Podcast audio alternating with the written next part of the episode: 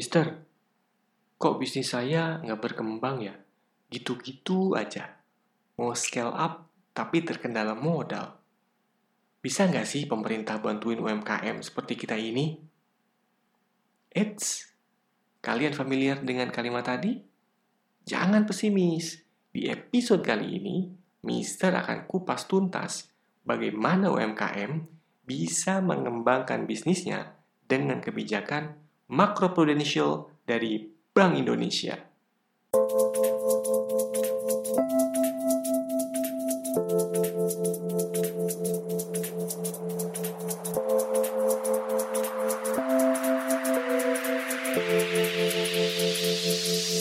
Assalamualaikum warahmatullahi wabarakatuh.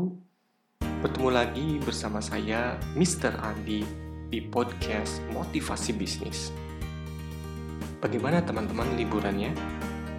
Semoga menjadi booster semangat buat kalian untuk menjalani rutinitas seperti kerja atau menjalankan bisnis. Ngomong-ngomong mengenai liburan, hari kedua lebaran kemarin, saya sempat lewat di daerah Tajur Bogor. Di sana, saya melihat banyak UMKM yang menjual berbagai produk semisal tas, sepatu, sandal dengan kualitas yang menurut saya bisa bersaing dengan brand-brand ternama. Saya jadi teringat juga UMKM di daerah saya, Ciamis, Jawa Barat. Ada makanan tradisional yang bernama galendo. Bagi teman-teman yang belum tahu, galendo itu terbuat dari ampas kelapa yang dipadatkan sekarang rasanya bervariasi, dikombinasikan dengan rasa coklat, stroberi, dan lain-lain.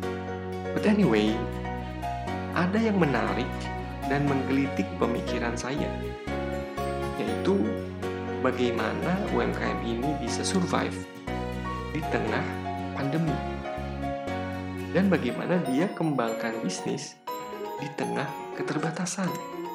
Sebagai pelaku UMKM, saya merasakan betul tantangan yang dihadapi dalam memutar roda bisnis, seperti kendala modal. Saya dan istri berusaha memutar modal dan keuntungan untuk bisa scale up bisnisnya. Nah, mungkin muncul pertanyaan, kenapa nggak pinjam modal ke bank atau lembaga keuangan non-bank seperti fintech? Nah, Salah satu alasannya, dan mungkin juga alasan yang sama yang dihadapi pelaku UMKM adalah minimnya dokumen formal. Bener gak? Berapa banyak UMKM yang terdaftar coba? Yang punya legalitas dan lain-lain. Kemudian, biasanya UMKM juga terkendala agunan, sehingga akses pembiayaan pun menjadi terhambat ada juga kepikiran nih, kalau bunganya tinggi, nanti mampu bayar nggak? Secara cash flow, belum terlalu lancar. Oh ya, ada satu lagi, yaitu SDM yang kurang. Biasanya kan UMKM terdiri dari tim kecil, seperti kami yang tengah merintis bisnis kuliner. Hampir semua aktiviti dikerjakan bertiga saja. Dari produksi, packing, marketing, delivery, dan promosi dalam bahasa kerennya adalah 4L. Lu lagi, lu lagi. Padahal teman-teman, keberadaan UMKM ini sangat penting loh dalam menopang ketahanan ekonomi nasional. Lah, kok bisa sih usaha kecil seperti UMKM ini menopang ekonomi nasional?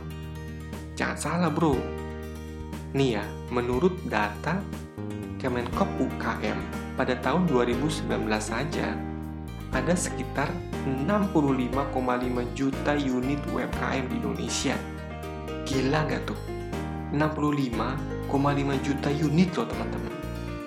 Belum lagi UMKM bisa menyerap tenaga kerja sekitar 119,6 juta tenaga kerja Wow, luar biasa kan?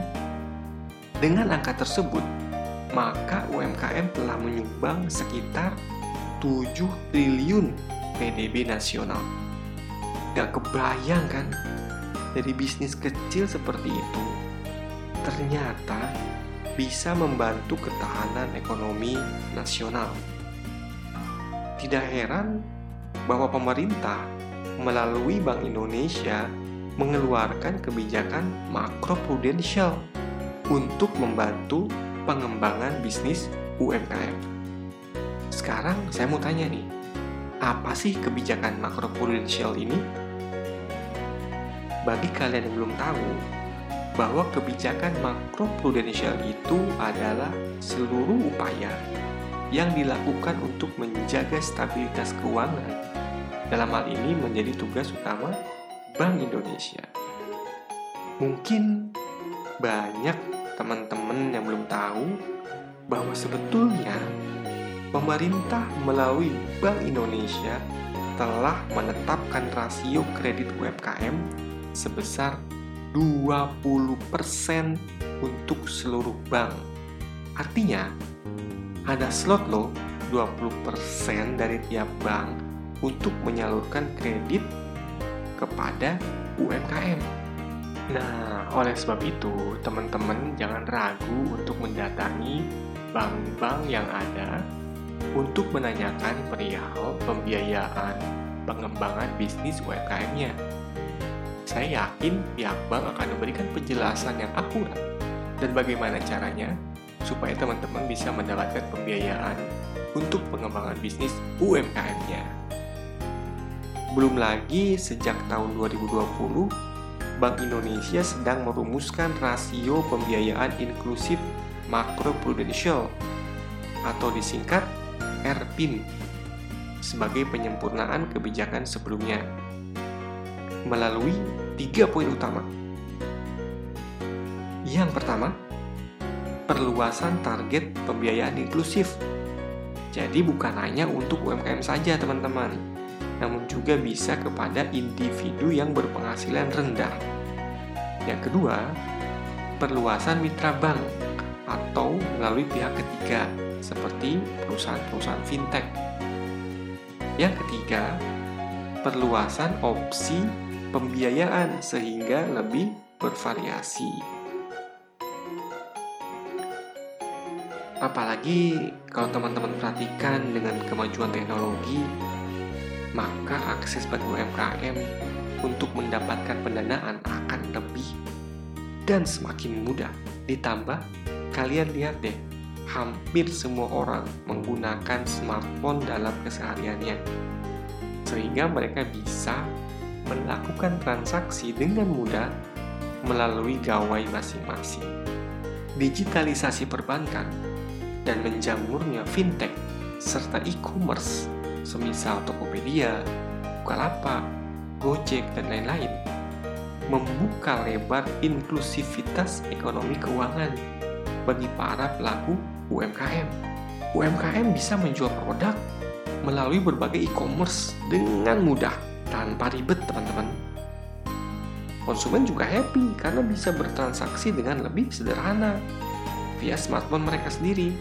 Tinggal pilih, order, bayar dan tunggu pesanan sampai di tangannya masing-masing. So, masyarakat terlebih pelaku UMKM harus berperan aktif terutama di masa new normal ini. Mengingat begitu signifikan peran UMKM dalam menopang ketahanan ekonomi nasional dengan cara memaksimalkan teknologi digital melakukan inovasi bisnis yang lebih kreatif, sehingga banyak menarik minat konsumen, serta harus bersinergi dengan kebijakan pemerintah, swasta, akademis, komunitas, dan media dalam pengembangan bisnisnya. Dengan kolaborasi positif dari semua pihak, peran UMKM dalam menopang ketahanan ekonomi nasional akan tercapai. Nah, mungkin segitu dulu teman-teman sharing dari saya mengenai kebijakan makroprudensial terutama dalam pengembangan UMKM. Terima kasih banyak. Yuk kita dukung pemerintah melalui Bank Indonesia dengan kebijakan makroprudensialnya dalam mendorong kemajuan UMKM di Indonesia. Wassalamualaikum warahmatullahi wabarakatuh. Mr. Andi, peace out.